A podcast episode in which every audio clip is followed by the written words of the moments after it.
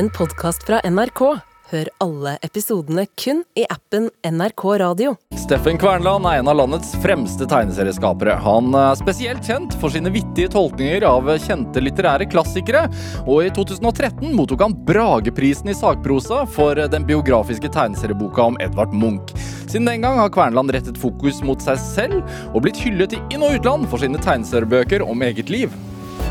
Dette er Drivkraft med Vegard Larsen i NRK P2. Steffen Kvernland, varmt velkommen til Drivkraft. Tusen takk. Veldig hyggelig å få komme hit. Det er veldig hyggelig å ha deg her. Hvor, hvordan har du det? Jeg har det fint, jeg. Ja. Det var sånn, Jeg tok jo feil buss og måtte stresse litt med det, men jeg kom jo fram til slutt, så ja, det går fint. Ja, Den stoppet nesten utenfor Lorry. ja, tilfeldigvis. Det var kanskje en slags autopilot som slo inn der. Men ha med deg niste i studio. Jeg har med meg litt niste, ja. Det er sånn, jeg burde jo tatt med en til deg òg, jeg beklager det at jeg glemte det, men eh, en liten underberg. Ja, Bare til å få kjefta mange i gang. ja Er det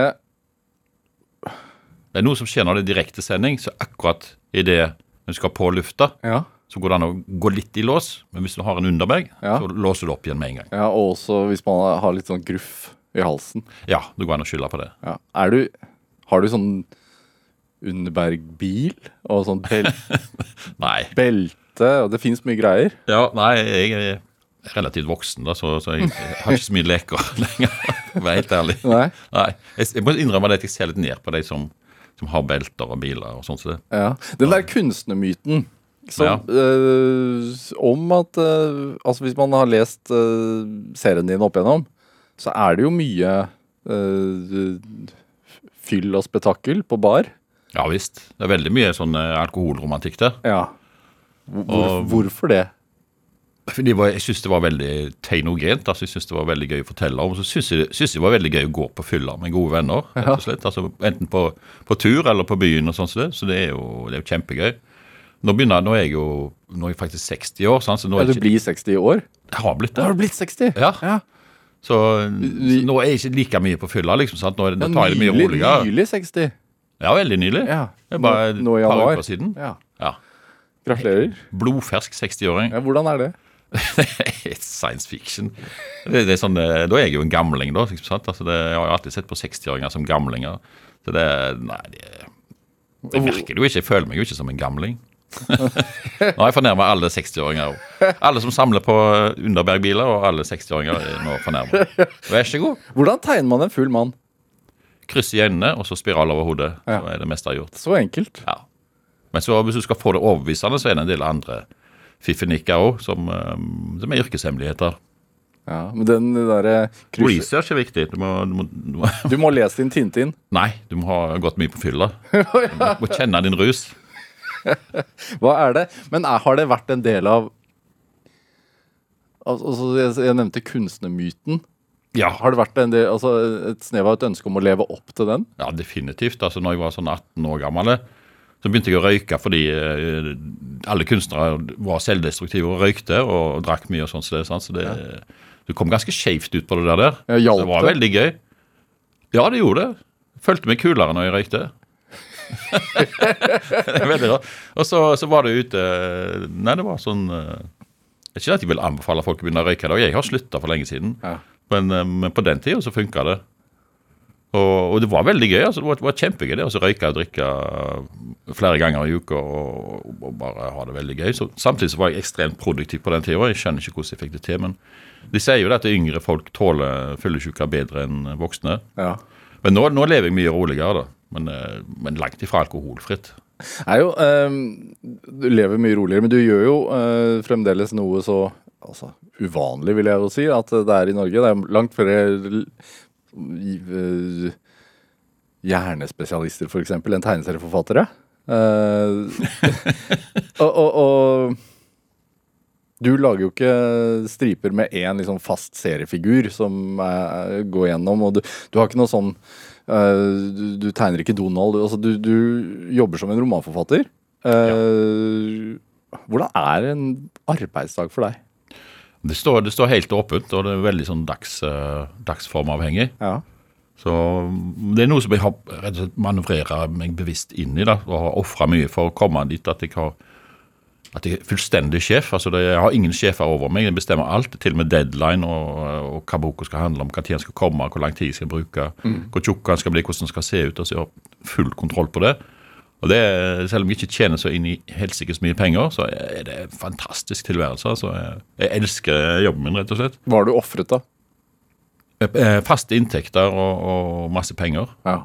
Men Fe- fe- altså, Hvor mye gidder du å kjøpe? Hvor mye, trenger du liksom, tak over hodet og råd til, til mat og, og øl hvis du vil ha det? liksom sånn Altså, det, ja, Så den friheten er viktigere? Ja, ja. Mye viktigere. Det har han alltid vært. Men da jeg var yngre, Nå, nå tjener jeg jo relativt godt, men da jeg var yngre, så, så tjente jeg jo nesten ingenting. Og da var det sånn at jeg av, av det ikke kunne være med ut på fylla, rett og slett. Sånn, altså med, med kompiser og sånn, eller gå på kino, eller altså, ja. Sånn Men det måtte liksom prioritere knallhardt. Ja. Det ble jo til at jeg gikk på fylla, men da jeg ikke hadde så mye igjen til mat. og husleia kom for seint. Altså, det ble sånne ting. Men, eh, men da eh, Ja. Ja. Alle kompisene mine da var jo i fast jobb og, og tjente masse penger. Sant? Altså når, du, når du er 30 år, så er det jo Så ofrer du jo ganske mye hvis ikke du har råd til vanlige ting. ja, men det var et bevisst valg å ikke ta en Ja. sidegig, rett og slett? Ja, Og der kommer kunstnermyten inn nå. liksom sånn at eh, Det er helt naturlig for kunstnere å være fattige og alkoholiserte. liksom sånn, Så det Ja. var bare kult, det. Var du lidende kunstner? Lidende? Ja, Var det litt sånn Nei, et snev av det? Nei. Akkurat det der, den det gadd jeg ikke. jeg, hadde det for kjekt til å lide. Ja. Men, Men altså, jeg kunne, jeg kunne, jeg kunne, jeg kunne jo klage altså surmula liksom, sant, på at, eh, at jeg ikke hadde råd til husleie, og at husleie var for dyr og sånn. Og at ølen var for dyr. Men, men det var ikke noe lidelse. Langt ifra. altså. er det men, men, men tvinger du deg likevel til å være et rutinemenneske? Uh, nei, den har kommet, uh, den har kommet mer uh, særlig som følge av å bli pappa. Da er det et eller annet sånn altså, eh, Gutten kommer jo foran alt. Så da er det jo bare til å stå på. Men lenge før det Jeg, ble, jeg var veldig B-menneske når, når jeg var ung. Og så når jeg ble voksen, altså sånn når jeg var 40, eller sånt, tror jeg, så plutselig så skifta det til A-menneske. Ja. Ja, så, nå, så det er ikke noe problem. Men, men hvordan jobber du ut ideer, da? Det var sånn som nå vet jeg at du sitter og, og, og, og lager noe som heter skygger. Ja. Ehm, ofte så er det sånn at når jeg holder på med én bok, så dukker det opp ting. altså Da er jeg på et eller annet spor, men som ikke passer inn i akkurat i den boka der, men som, som kan bli bra likevel. Så noterer jeg det og legger det til side. Og dukker det opp i neste bok. Det har blitt litt sånn nå de siste bøkene mine, så det ble en sånn slags stafett. Altså fra en frivillig død så var det en del sånne spillover til Brillegate. Og nå er det en del eh, spillover fra Brillegate til Den skygger. Ingen av bøkene ligner på hverandre, men, eh, men det, er sånn, det er nettopp derfor at ting ikke kan brukes i den boka det var tenkt for. Men det kan komme i neste bok. Hvorfor kan det ikke brukes fordi at stilen er annerledes, eller Ja, fordi at Tonen, tematikken og stilen og alt. altså Det passer ikke inn. liksom sant? Altså, det, blir, det, det drar i feil retning. Hva slags tone er det i det du sitter med nå, da? Uh, det er litt vanskelig å si, men den, den er, er ganske alvorlig. Utrolig nok. Altså, um, Altså, det tar veldig utgangspunkt i, i uh, min egen hjerne, kan du si. Alt det som, som, som koker rundt i toppen min. Så at da blir det jo mye Aksel, altså gutten vår. Og hans, eh, hans ekstatiske opplevelse av livet. Sånn, som, som bringer igjen minner fra min barndom. Og så, og så har du sånn eh, koronakrisen, liksom, sant? når han var tvunget til å være inne hele tida, og vi alle var det. Sant? Jeg, jeg hadde jobb som jeg kunne gå til, fordi jeg, jeg hadde kontor. Eget kontor. Og, og liksom den stemningen som var i gatene da i begynnelsen av april 2020, det var, var helt sykt. Altså, det var nesten ingen folk ute. Sant? Og vi gikk i store buer rundt hverandre, sant? så alle hadde pest. Eller var redde for at de andre hadde pest. Og skarp eh, sånn vårsol som lå veldig lavt og lagde veldig harde skygger og sånn. Så da gikk jeg og tok eh, masse fotografier som jeg har tegna det. Og Så har jeg lagd en liten sånn lagt inn notater om, eh, om hvordan jeg oppfatter det, men òg noen nyheter vi fikk innover oss. Poetisk side av det? På en Ja, på en måte? måte, ja, på en måte så er det det. Jeg setter det opp, det er noe som heter knekkprosa. Sånn, altså det, er sånn, det er tekster som ser ut som dikt, og som ikke er dikt, men det er rett og slett fordi de er korte, og fordi det estetisk funker mellom tegningene. Men det er veldig realistiske tegninger. Store, sånn gjerne en halvside eller helside per tegning, og så en veldig kort tekst, ei eller to linjer. Um, og da, eh, I nyhetene på den tida der, så, så, så, så kom det sånn at eh, i, i Stockholm så var likhusene oppfylte. Og de måtte ta, eh, de måtte ta i i bruk sånne matlagre. mm. som, som fryserom på matlagre til, til likene. Og i eh, New York så var det begynt å begrave de døde med, med bulldoser i massegraver.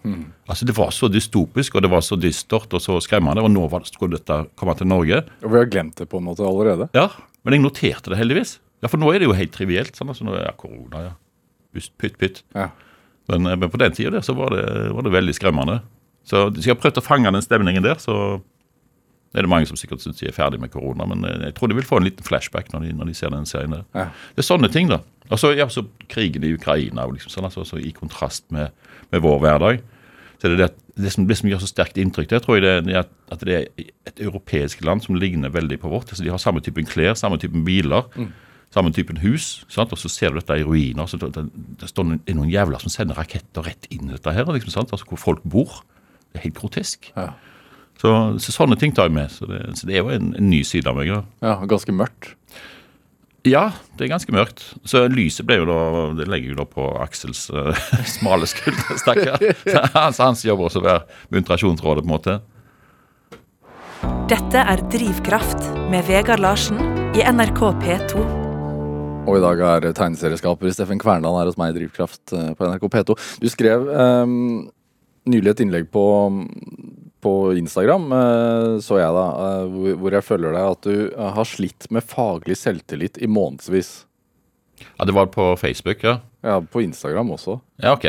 Sorry. Ja, nei, det, det er sånn det går i bølger, det. Ja. Så um, hvordan oppleves det? Hva, hva, hva kommer det av, tenk, tror du? eh, det er så- jeg har snakket, altså Nesten alle jeg kjenner som driver med, eh, med sånne eh, kreative fag, altså kunstnere og, og forfattere og alt mulig sånn, Ja. de, de har det samme. Det er sånne imposter syndrome, heter det til og med. Det er et eget ord for det. Ja, sånn, jeg, nå ble jeg avslørt. Ja. Jeg, jeg kan, Også- kan egentlig ingenting. Jeg kan ingenting. liksom sånn, altså det, Dette er bare tull. Du skal bare lage én dårlig tegning, sånn, Så, så er alt et helt liv, et langt liv, 60 år med, med, med kvalitetsarbeidet, er bare vaska rett ut. liksom sånn, altså det, du, tror ikke på det lenger. Hva var, Det hva var utløsende faktor denne gangen? Eh, nei, det var ikke noe spesielt. Det var bare sånn Selvtilliten forsvant, på en måte. Jeg synes jeg var liksom ikke så veldig inspirert. Og det, det er helt krise, egentlig. For det, jeg er vant med å være skikkelig gira og høyinspirert. Og Da presterer jeg best. Nå er jeg tilbake, da. Ja. Så, men poenget var bare at jeg, jeg ville bare forklare at det, der, eh, det, det er så viktig. For dette, hvis selvtilliten er dårlig, så, blir, så tegner du, underpresterer du. Ja. Men hvis du har en sånn der skyhøy selvtillit, sånn som man kan ha av og til, så blir du, legger du plutselig over ditt eget eh, normalnivå. Så det er veldig viktig å være der. Men hvordan, Så det er en veldig god unnskyldning for å prokrastinere mye. At nei, jeg har ikke selvtillit i dag, så det må jeg sitte litt på Facebook. Det er farlig, da. Man må jo prøve å jobbe seg ut av det. Hvordan jobber du deg ut av det? Jeg må bare bruke litt tid på det. Altså, En god måte kan være så eh, Bestevennen min er jo Lars Fiske, Ja. som er tegner.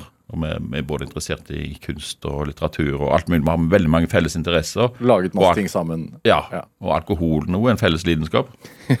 så, så da det kan det være helt ideelt å bare gå ut eh, med han. Så går vi, går vi gjerne til med kaffe, altså sånn begynner på morgenen. Bare avlyse en hel arbeidsdag. Det er en sånn privilegium du kan ta deg i sånne frie yrker. Ja. Og så går vi ned til Munch-museet, f.eks. Drikker kaffe og, og sånn som det. Og så, Hva og så prater dere om da? alt mulig. Alt mulig, altså. Det er sånn Ja.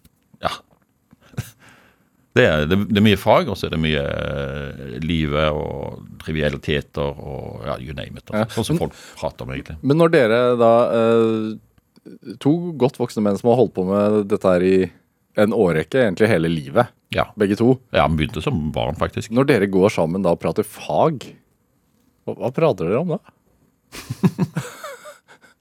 Nei, det blir, det blir mye om det vi holder på med. Altså hva vi jobber med. Han forklarer meg hva for noen prosjekter han holder på med. Jeg forklarer hva prosjekter jeg holder på med. Og så, og så prater vi mye om hvor vi skal gå og drikke og spise, og, og, og hva for noen kunstmuseer vi skal gå på, og Ja. alt mulig sånt. da. Hvorfor er det viktig å oppsøke andre kunstnere?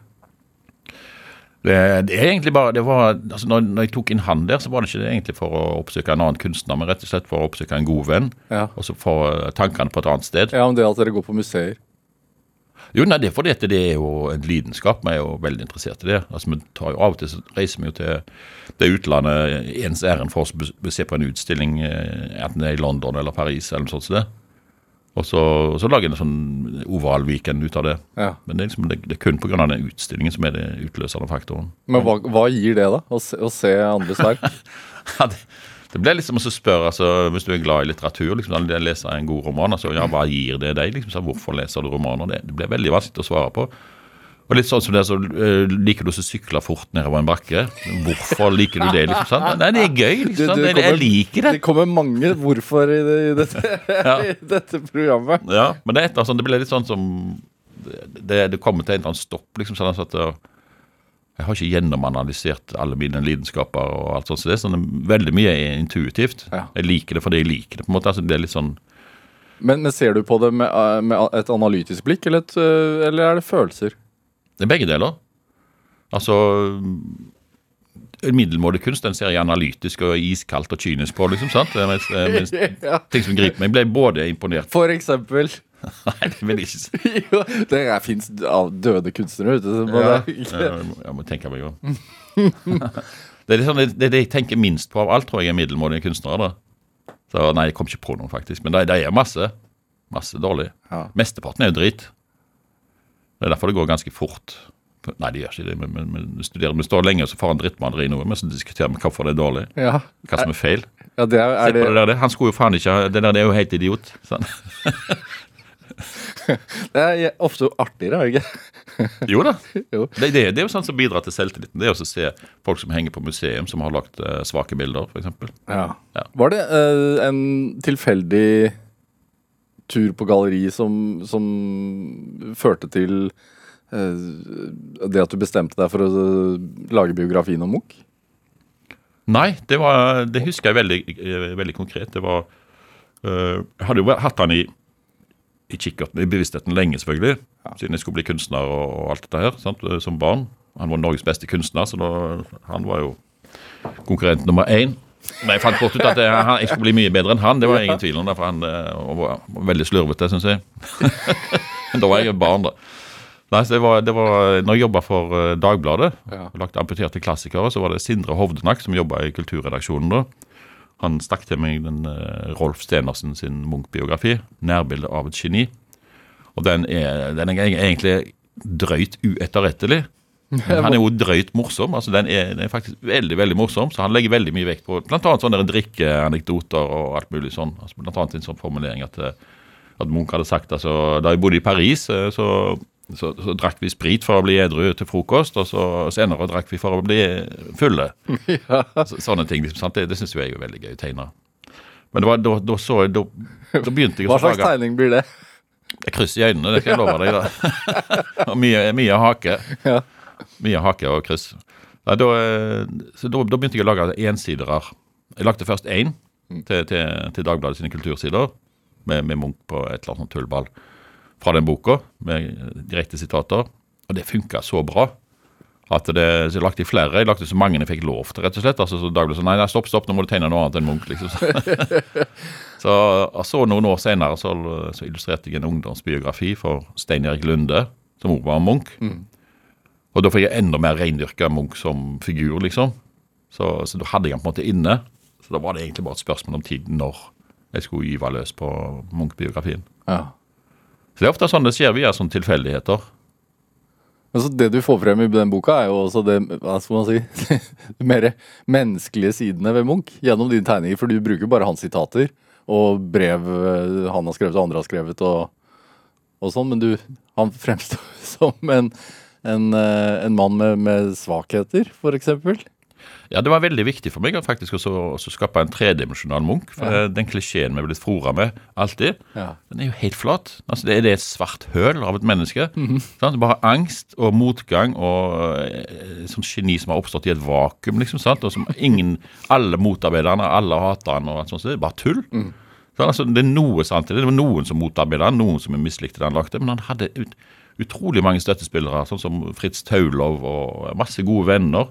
Og han fikk stipender, masse stipender og masse støtte og masse skryt. Han var det, liksom, han var det store geniet i sin generasjon. Det var, det var anerkjent. Så han var ikke noe misforstått geni eh, størstedelen av livet. Så Pluss at han hadde masse humor. Han hadde masse venner var veldig omgjengelig. Og det det var så mange andre sider Det var, det var sant, det er depressive og de mørke tingene. De er sanne, det er jo. Men det var én flik. Så jeg ville, lage det, jeg ville liksom åpne vinduene og få inn litt lys òg, for det var masse lys i Han hadde jo yndlingsvitser og alt på tullball, liksom, sånn, som han holdt på med. Så, eh, så jeg ville bare få han mer levende. Ja, Gjøre han litt Altså, han var sånn som vi er, på en måte? Ja, Ja. Bare utrolig mye mer begava. Er det, det du, du har sagt at eh, noe av det du føler du har til felles med Munch, er tidvis en overdreven selvtillit. ja, det er faktisk det samme. Altså, det, det er jo sånn der faglig selvtillit. Ja. Det, At det noen ganger så syns jeg er helt genial. Liksom. Komidas-syndromet, eller hva du har kalt det? Ja. Ja. ja, alt jeg tar i blir til gull. Liksom, sant? Det, det er livsfarlig, da, for dette, da, du, da mister, har du mista selvkritikken. Men, eh, men det, er veldig, det er veldig bra en periode. Så kan du lage utrolig bra ting. Og så plutselig så går det litt over stokk og stein, og så, og så begynner kvaliteten å skrante litt, kanskje. Det blir litt lettvint. Den, den boka jo, eh, har jo fått priser for ble, fordi at den ble utrolig bra. Altså, den, den vant jo, eller mottok jo Brageprisen for, for beste sakprosa. Eh, første tegneserieboka som har fått den prisen. Ja, i sakprosa, ja. Ja. Hva, hva betyr det, tenker du? Altså sånn, ikke, ikke rent sånn personlig, men sånn for, for tegneseriens standing. Det betydde faktisk ganske mye, for altså rent sånn eh, pekuniært, for å si det nesten jålete. Altså, det som skjedde, var det at eh, den der, eh, fagbokforfatterforeningen De har et veldig komplisert navn som jeg ikke husker. Norsk fagbokforfatter- og oversetterforening eller noe sånt. FFF. De, eh, de plutselig da de fant ut at den, den hadde de måttet avvise når jeg søkte støtte. Fordi ingen av ordene som sto der, var mine og at det bare var tegninger. Ingen av de delene der altså sitater eller tegninger var, var umulig for de å støtte.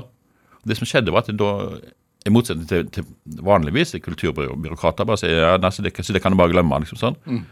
Så neste år, når eh, Lars skulle eh, gi ut sin bok, så eh, hadde de gjort det motsatt.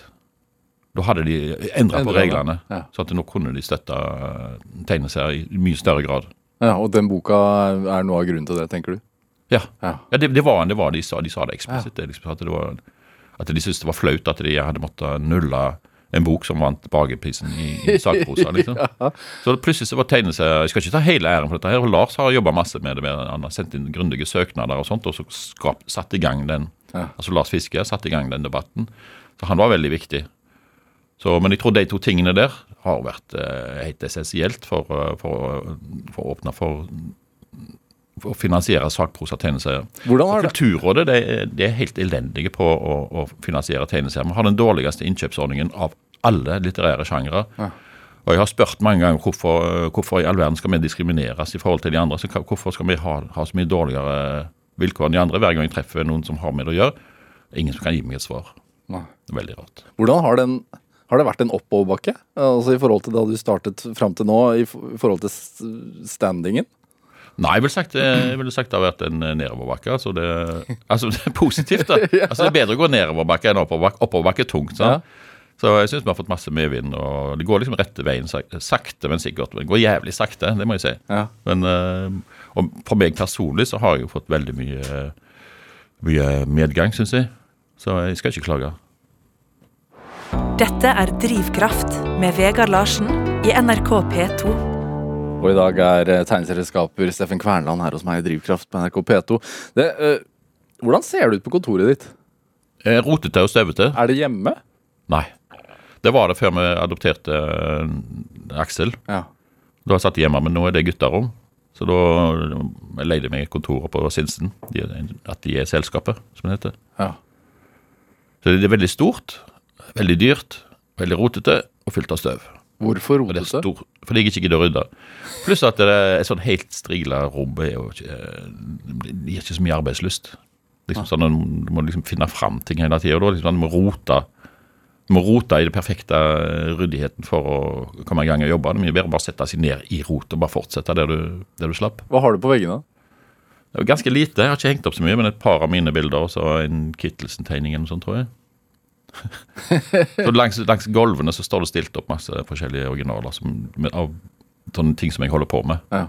Jeg ser på Hvordan, hvordan jobber du der? Altså, du, har du en fast sånn når du kommer dit, setter du deg ned med en gang og, og, og skrider til verket, eller er det, har du en Nei, det, det hadde jeg skulle tatt seg ut, holdt jeg på å si.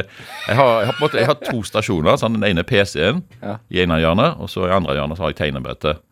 Og så har jeg masse annet, eh, store bord og alt mulig rundt omkring, og, og et slags bibliotek og sånn som det. Men jeg setter meg foran PC-en, og så sitter jeg der og så prokrastinerer jeg og drikker kaffe og, og sånn som det. I et par timer om morgenen når jeg kommer på jobben.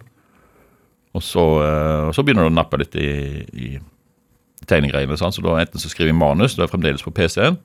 Eller så går jeg også og tegner videre på det jeg har holdt på med, eller begynner på noe nytt. Tegner, også, Men du skriver teksten først? Alltid. Ja.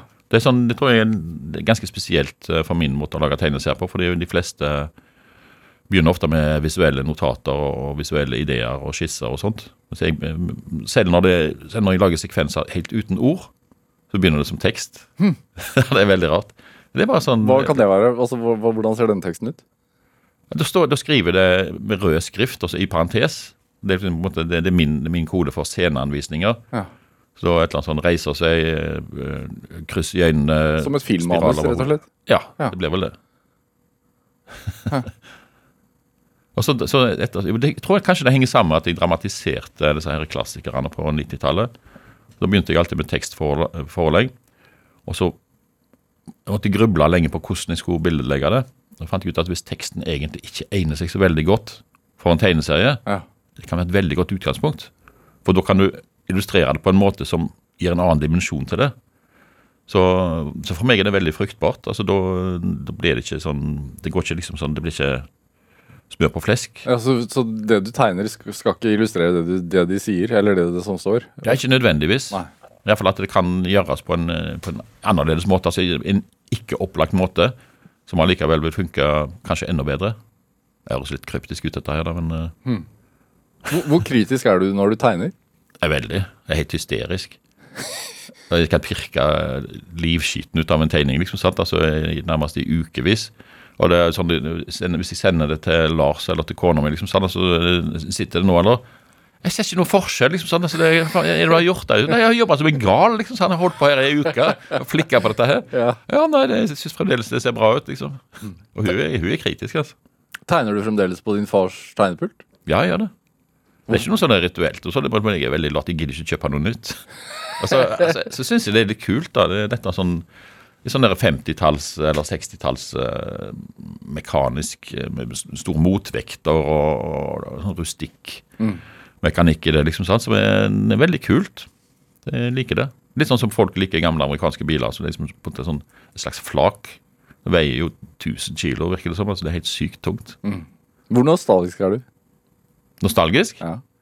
Uh, jeg, tror, jeg innbiller meg at jeg ikke er så veldig nostalgisk, men det høres jo ganske nostalgisk ut nå. Men uh, det er ikke sånn at jeg kjøper vintage uh, ditt og datt og sånn. altså Jeg driver ikke, jeg samler ikke på noe. Hva kan utløse nostalgi, da? Det er jo veldig sånn private minner, altså følelser som, med familie og, og, og sånt som det. Musikk? Ja. Musikk, det er helt klart. Ja. Vi skal, vi skal høre en Joy Division-låt som du har med. Er, er, har du et nostalgisk forhold til den? Eh, egentlig ikke nostalgisk, men jeg har et, sånn, eh, har et veldig sterkt eh, emosjonelt forhold til, til Joy Division og Depperock generelt. Det er sånn, jeg tenkte jeg skulle bare muntre opp stemningen til nå.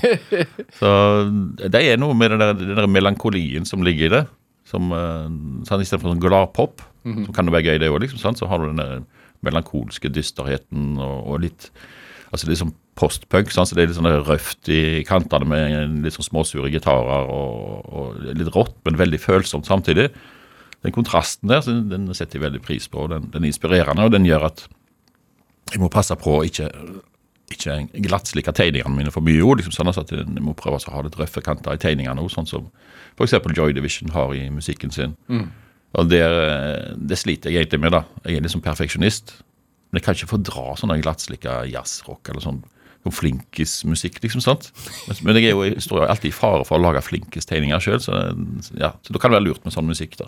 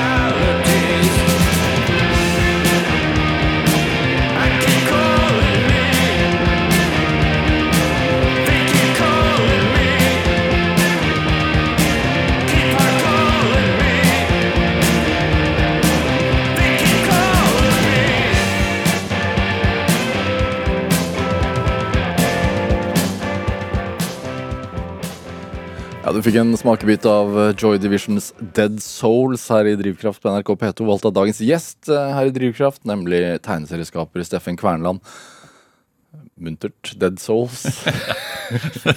Jeg bidrar til sinnets munterhet. ja. Jeg hørte, jeg hørte mye på sånn musikk da jeg lagde den frivillige Frivillig død, vet du, om farmen faren sitt selvmord. ja. Så Da passer det jo veldig godt med, med depperock, rett og slett. Og Joy Division er jo kanskje de dystreste av alle. Ja. Vi snakket jo om litt om nostalgi før vi spilte den, og i forhold til den den frivillig død, så den, den starter jo med en, en tegning av deg med sønnen din på fanget. Eh, og så i en sånn tankeboble over hodet, eh, så, så er det en tegning av din far med deg på fanget. Ja. Eh, hvor, hvor utløsende var det at du ble far selv for at den boka ble til, tror du? Jeg tror det var helt avgjørende, faktisk. Altså at det, mm, altså Jeg hadde alltid tenkt at jeg en eller annen gang må ta fatt i det der. Ja. Men, ehm, men det var først ehm, når, jeg, når jeg ble pappa sjøl, så og hadde en sønn, så plutselig så var det der far-sønn-forholdet ble veldig aktualisert. Og da fikk jeg masse flashbacks, og masse minner tilbake. sant, via hans, eh, Kjente meg igjen i mye av det han holdt på med, det han interesserte seg for. Og alt sånt så der, og da kom naturlig nok eh, mitt forhold til faren min og sånt eh, mye tydeligere framover. Så, da, så da ble det veldig aktuelt, og da føltes det naturlig å ta fatt i det. Men det var, ganske, det var ikke ganske tungt, det var, det var jævlig tungt å lage den boka. Men givende. Det var veldig givende. Det er sånn det, det som å lage kunst det er en sånn veldig rar uh, greie. Altså, det kan være så dobbelt. altså Du lager noen forferdelig triste greier, men så blir, får du en stor tilfredsstillelse av at du ser at det blir bra. Så det blir en veldig sånn dobbel Jeg kan sitte og grine samtidig være glad for at det, at det ble bra. Det er sikkert vanskelig å forstå, men eh, ja. To følelser, to motstridende følelser på en gang. Det, det var det ganske mye av når jeg holdt på med den boka. der. Mm, For hvis du jobber sånn som du vanligvis jobber, da, så har du jo skrevet teksten, og så sitter du og skal male frem bildene etterpå. Ja, altså om jeg griner når jeg skriver teksten, eller når jeg tegner bildene. Sant? Altså, det, eller kanskje begge deler. Sånn, altså, det, det hadde ikke så mye med det å gjøre, egentlig. Nei. Men um, det var bare det å leve seg inn i det. Og gjenoppleve det. For å tegne det. Ja, for, for å skildre det, ja, i en ny bok. Er det Det, altså, det, det, det blir som å rive skorper av gamle sår. Så begynner det å blø igjen. Ja, og så klø på det. Ja, verre er det å rive av skorpene, liksom. Er det? Du, altså, du, du har jo fortalt historier om deg selv tidligere. Altså i, i, i, i Gjennom karrieren din. Men, men, men ofte på en sånn selvironisk måte. Ja. Um, men, men i en frivillig død så er det jo Der borer du jo i alvoret. ja. Uh, veldig. Altså, det er jo en bok om, om sorg og, og, og det å bli igjen når et familiemedlem begår selvmord. Og, og, og kanskje det også at man aldri egentlig kjenner de som står en nærmest. Da, sånn, de spørsmålene man stiller seg. ja. Det, Absolutt. Eh, Det som skjedde, altså var, ja, Tidligere så, så, hadde jeg alltid en sånn solid ironisk distanse. se- Selvironisk mm. distanse til, til alt jeg gjorde. Og det er jo veldig trygt og godt. Og så, så hadde det jo litt med den generasjonen, jeg kommer fra den ironigenerasjonen nå. sant? Men så, så ble han jo voksen, og så var det etter når jeg holdt på med Munch-boka, så fant jeg ut at det er et så oppriktig kunstner. Kanskje kan ikke skil- skildre han med, med ironi tvers igjennom, sånn at du kan ha ironiske partier. Men, eh, men du må jo få fram alvoret liksom, sant, på en, på en eh, inderlig måte. Så da gikk jeg inn i hans, eh, prøvde å skildre hans sorgopplevelser. og alt sånt, så Han har mista jo så mange familiemedlemmer. Og da, da måtte jeg på en måte gjenoppfinne mitt uh, tegneseriekrutt, kan du si. Altså en ny måte å lage det på. Og det var veldig, var veldig rart, og jeg var veldig spent på reaksjonene. Jeg sendte det rundt til, til, til, til redaktøren min og til, til kona mi og til, Lars. og sånn. nervøs på en annen måte? ja, veldig usikker. Altså, Går dette her, liksom? sant? Eller blir det bare, er det bare flaut, liksom? sant? Og det var litt flaut, rett og slett. sant? Oppriktige følelser. Ja. Men det funka jo som bare juling. Så, så det åpna det der. Da, var det skjønt at da, går det an å ta fatt i det der med farmen. Så, at tegneseriene de, de står vidåpne. Det er bare at folk har brukt det til så veldig smale ting. Altså, det blir veldig mange folk som sklir på bananskall eller sitter på øde øy. liksom, sant? Altså sånn Vitser eller superhelter med, med kapper liksom, sant, som flyr. Men, eh, men du kan bruke det til eh, absolutt alt. altså Det, det er like åpent som, som film eller litteratur. Altså, det, Fikk du noe svar på de, de tingene du grublet på mens du lagde den? Nei, det, det, det, hadde jeg ikke, det var jeg ikke ute etter heller. Altså, det hadde Jeg bestemt meg for. Jeg drev ikke noe research eller sånt heller. Jeg ville bare skildre mine opplevelser og mine minner om det.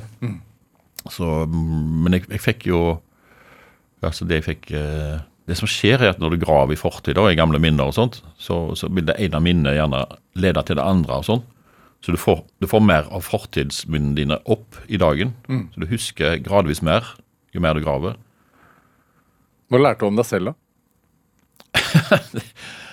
Eh, jo, kanskje at jeg, at jeg hadde fått litt mer juling enn jeg egentlig var klar over.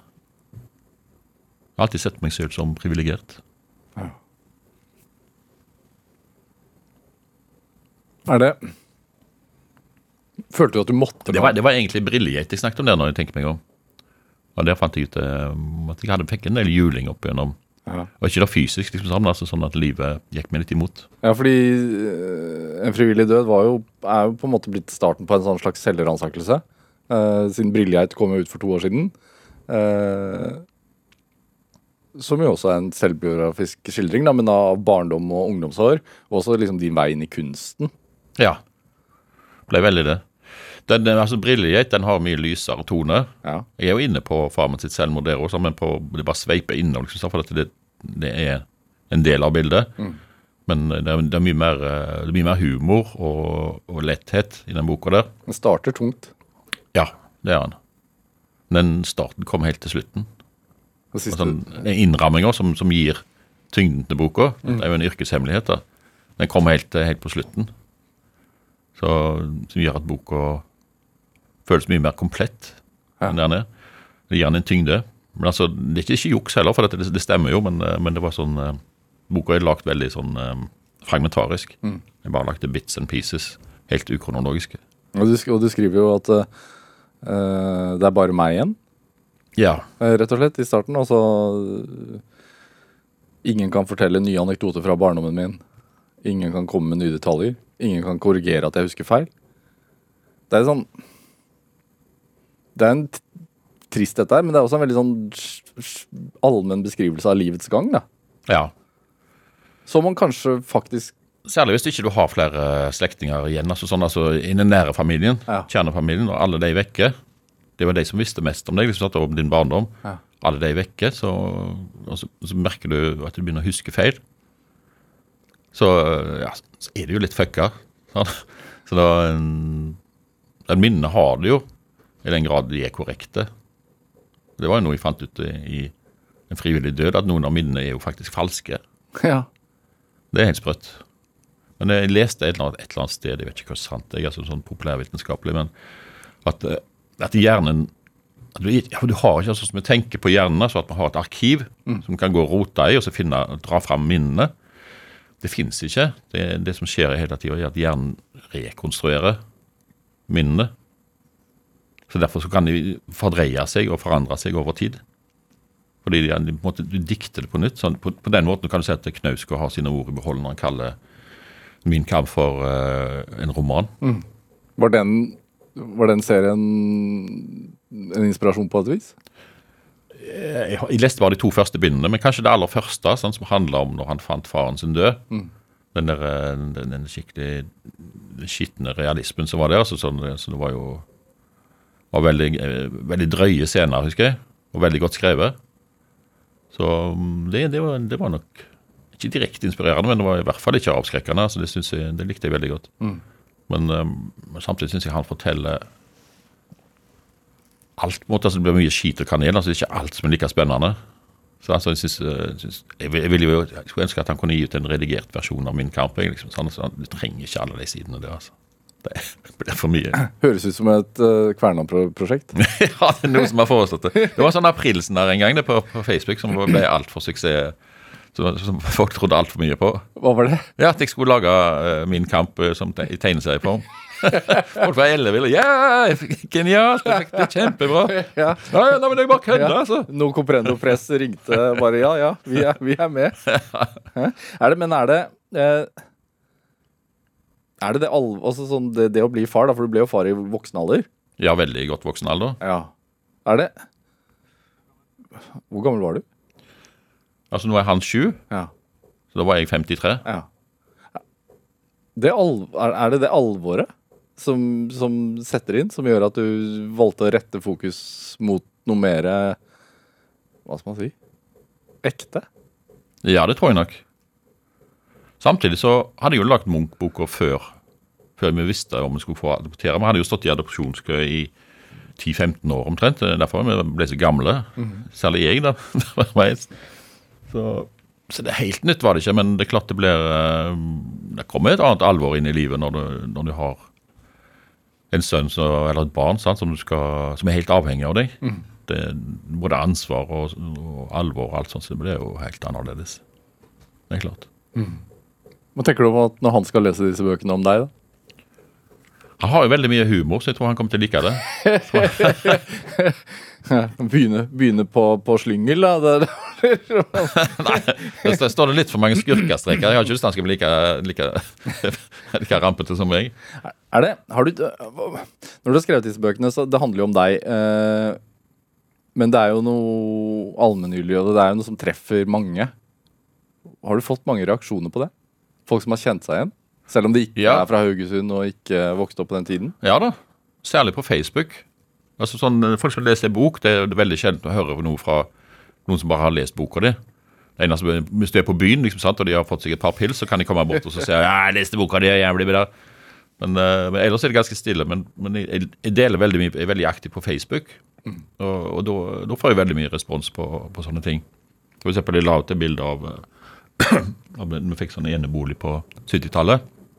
Og ferdig hus. Bygd midt ut på jorda liksom. Som var helt typisk på den tida der. Og da eh, var basert, Tegningen var basert på et foto som, eh, som altså, Det var i brillegeit som, eh, som viser når det er halvferdig. liksom sånn, altså Det er ikke ferdig beisa, og det er ikke noe plen, det er ikke noe singel.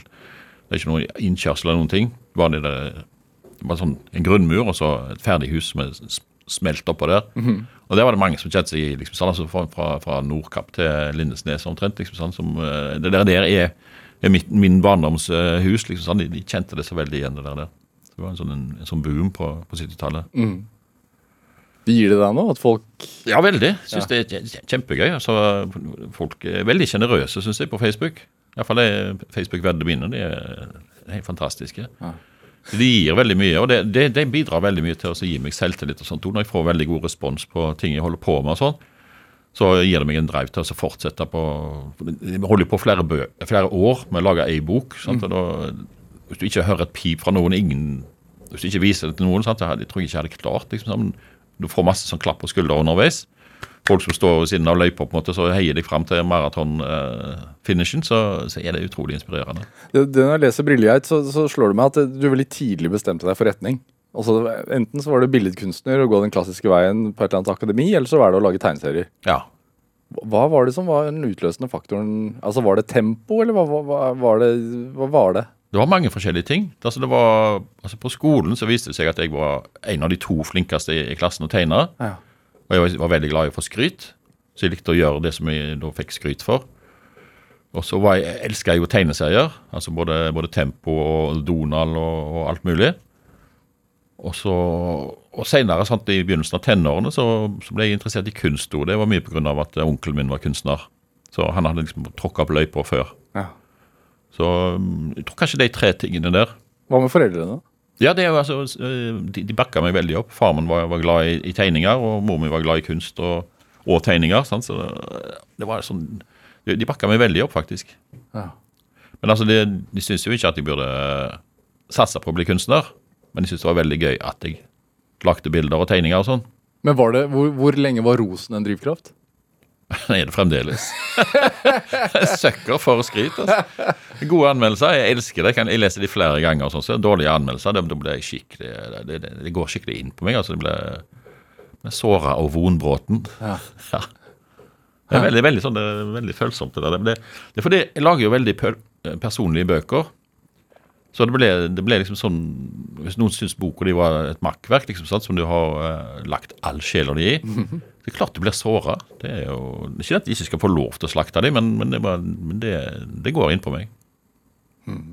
Men det er sånn Det er den risken jeg tar med det, med det livet jeg lever. liksom, sant? Altså Skal du altså når, du, når du gir ut ei bok, så legger du hodet på blokka liksom sånn, kom og døm meg. Men helst med skryt. men da må du tåle at de, at de kjefter òg. Jeg tåler det, men jeg liker det ikke. Hvor mye hardt arbeid har det vært? Jeg, synes det, jeg skal ikke kokettere med at det er så hardt arbeid. Altså, Det, Jo, men- det er mye verre å stå i grøft og grave og holde på. liksom, sant? Altså, det er mange som har harde jobber. Jeg sitter jo på ræva og, og koser meg, jeg. Så, men at det kan være vanskelig av og til, det, det er det jo. Vært Og at jeg kan være usikker og alt sånt som det. Men, men det er ikke egentlig- hardt. Det, er ikke noe synd på meg, og alt er selvvalgt. liksom men, sånt. men har det vært perioder der du har tenkt at ja, ja, noe mer enn dette blir det ikke, nå må jeg finne på noe annet? Nei, men det har vært eh, noe annet. Altså, det har vært sånn som altså først, Lars og meg lagde en bok som heter Olaf G sammen, som var noe helt nytt innenfor tegneserier. Altså, det det er store ord, men altså, faktisk på internasjonalt vis. Som bare, det bare, funka bare så jævlig bra. Vi var så fornøyde og fikk så mye skryt. og sånn som det. Og som om Olaf eh, Gulbrandsson, altså Ja, norsk- norske tegneren. Ja. Ja. Som flytta til Tyskland som for 100 år siden. og ja. Og så, så en masse drikking med oss da, som en slags eh, reiseguider, og forteller om livet hans. Gonzo-aktig, da. Ja, Ja. veldig. Gonzo nerdeskildring. Og, og da når vi var ferdig med den, så tenkte jeg at nå, nå det, det er den boken, vi klarer aldri å toppe den. Og han hadde den samme følelsen, Lars. og Liksom, sånn, så dette her, eh, vi kommer aldri til å toppe det. Men så klarte vi jo det. Så han lagde Herr Mertz, og jeg lagde eh, Munch. Og etter Munch så var jeg i hvert fall sikker på nå er det i hvert fall pika. liksom, sånn, altså, nå, nå er jeg has-been. Altså, hva faen skal jeg finne på nå? Ja. Og da kom en frivillig død, sant, som, eh, som har fått minst like mye skryt og, og oppmerksomhet. så... Men det er et eller annet sånn Og nå beveger du deg inn i poesien, si. Ja. På en måte. altså, jeg, vil, jeg vil ikke kalle det poesi, men det, det kan ligne litt. da. Men det, det, det er ganske stemningsbasert. og, og sånt, og det, altså, det ligger, litt nærmere litteratur og billedkunst. Tegningene er realistiske og uten karikatur og sånn, uten snakkebobler. Men for meg er det en slags tegneserie, for det, det er fortellinger med ord og bilder. Hvorfor, hvorfor er det sånn at stilen endrer seg? Det, synes jeg, det har jeg alltid synes jeg har vært interessant. Jeg har ikke lyst til å så, altså Jeg kunne liksom aldri sittet og tegna Lucky Luke på samme måten et helt liv. altså det han er jo fantastisk, eh, de er fantastiske, de tegnerne som gjør det, altså, men jeg skjønner ikke at de gidder. altså Jeg hadde blitt gæren. Og hvor mye har du stått i et uh, galleri eller et museum øh, og, og etterligna? Aldri. Har du ikke? Men har du Men jeg, men jeg har etterligna i bøker. Ja. ja. Det gjorde jeg veldig mye når jeg var i tenårene og i 20-årene. Hva tegnet du da? Det er sånn Rembrandt og, og Møbius, hvis det sier deg noe. Og så altså, sånn eh, pretensiøse 80-talls tegneserietegnere og, og, og klassisk eh, figurativ billedkunst. De to tingene det var, var big, big time for meg. Hvorfor har det vært viktig? Nei, det traff han. Det er sånn, eh, det bare traff meg. Det er litt sånn som altså Hvorfor liker du den, det bandet, den plata, liksom, sant, og ikke den? Ja. Altså, det, det, det er veldig vanskelig å analysere seg fram til det, men det, det er en- enkelte ting som appellerer sterkere enn andre ting. Og jeg er jo fremdeles eh, veldig glad i, i, i klassisk figurativ kunst. og Da, da tenker jeg ikke på sånn nerdrømmeopplegg og sånt, altså, for det, de var flinke på de som holdt på på 1800-tallet og, og før det. Var faktisk mye flinkere enn de som er figurative i dag. Jeg vet ikke hvorfor, men sånn er det bare. De, var, de hadde et helt annet håndverk. Men gir det en selvtillit at du faktisk har prøvd det og, og holdt på med det? Ja. Og det gjør vel òg at jeg kan måtte, eh, Sånn som du snakket om at jeg kan ha mange forskjellige stiler. Jeg føler at jeg har et eh, ganske bredt repertoar som jeg mestrer. Ja. Så det som jeg gjør nå, er jo Som Lars har sagt til meg nå, altså den boka som jeg holder på med nå, den er egentlig bare jeg som kunne lagd. For den Fortellingene er jo da ut ifra min erfaring med tegneserier sant, som, som egen manusforfatter. Men så er, tegningene da ligger mer nærmere billedkunst, siden det er realistiske skildringer av bylandskap og, og mennesker og, og, og sånne ting. Så ja, så jeg prøver Så liker jeg å foran, like forandring. Jeg liker også utfordringer altså, og, nye ting. Utvikle meg. Fordi du... Jeg har ikke lyst til å gjenta meg. Nei. Jeg syns nesten at Briljert var litt for lik eh, en frivillig død, men det, det gikk. Og så bruker du eh, tidvis eh, gamle tegninger om igjen, da. Ja, det liker jeg jo. F.eks. Historien om Lassen. Den går jo igjen Ja. et par ganger. Ja. Om tåteflaska. ja. Ja. Det er sånn, det, er sånn, jeg, har, jeg har sans for dette her metanivåene og sånt vet du, i, i litteratur. Ja. Så jeg liker å referere til Så, som, som blir sånn selvreferering. Altså, jeg, siterer meg sjøl. Det er jo sånn vel et av de fremste tegnene på stormannsgalskap. Men, eh, men det, jeg synes at det på en måte binder sammen bøkene mine. At jeg, at jeg på en måte da lager At de, de eksisterer i et sammenhengende univers. Så jeg prøver også måtte bare knytte noen sånne tråder. Det er ikke noe big time, og sånt, så jeg, bare, jeg synes bare det er ikke Ja, så gir, Hygger meg litt med det, liksom. så gir det noe ekstra til, til oss som har fulgt med en stund. da. Nettopp. Det er en litt sånn nikk til trofaste lesere. ja. Ja. Lassen, ja.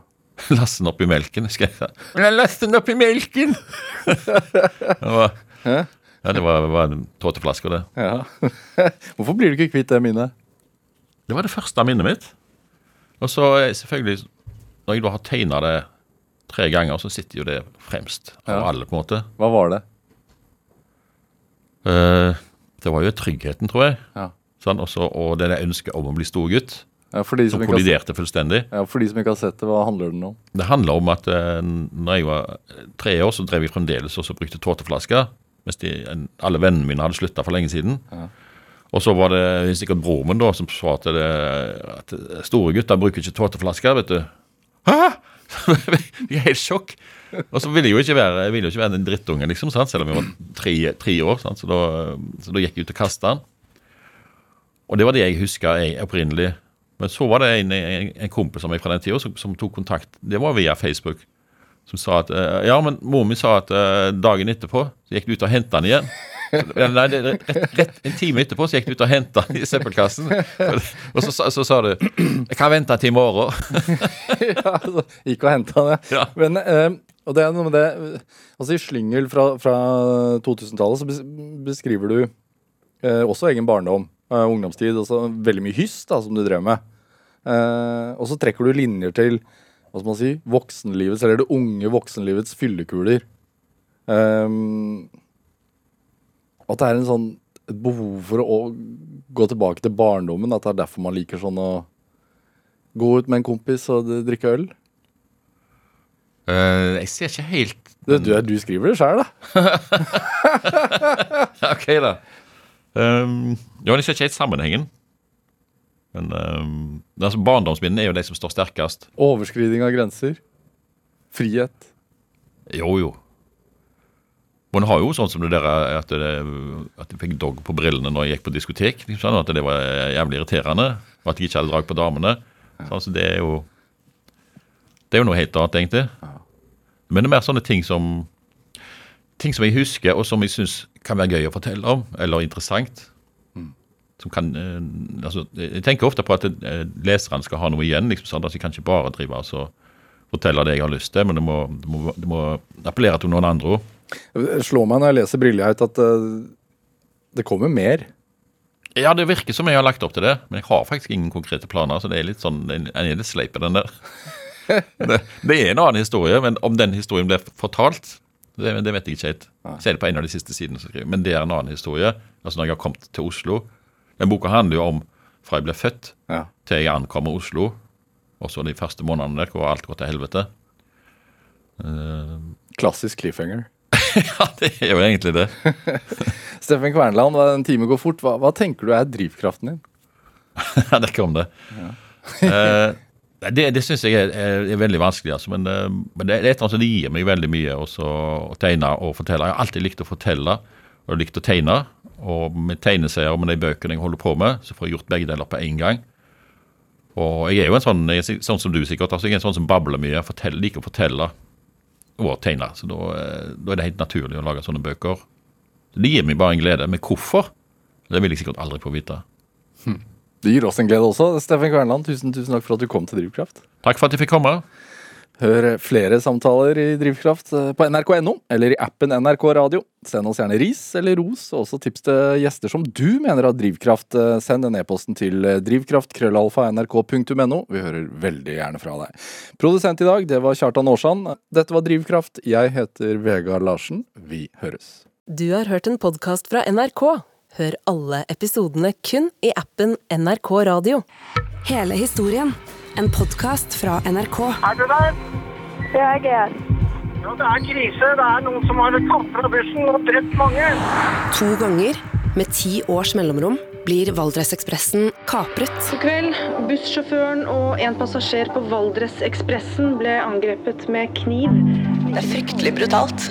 Veldig målrettet. Han hogger for å drepe. Knivdrapene på Valdresekspressen hører du i appen NRK Radio.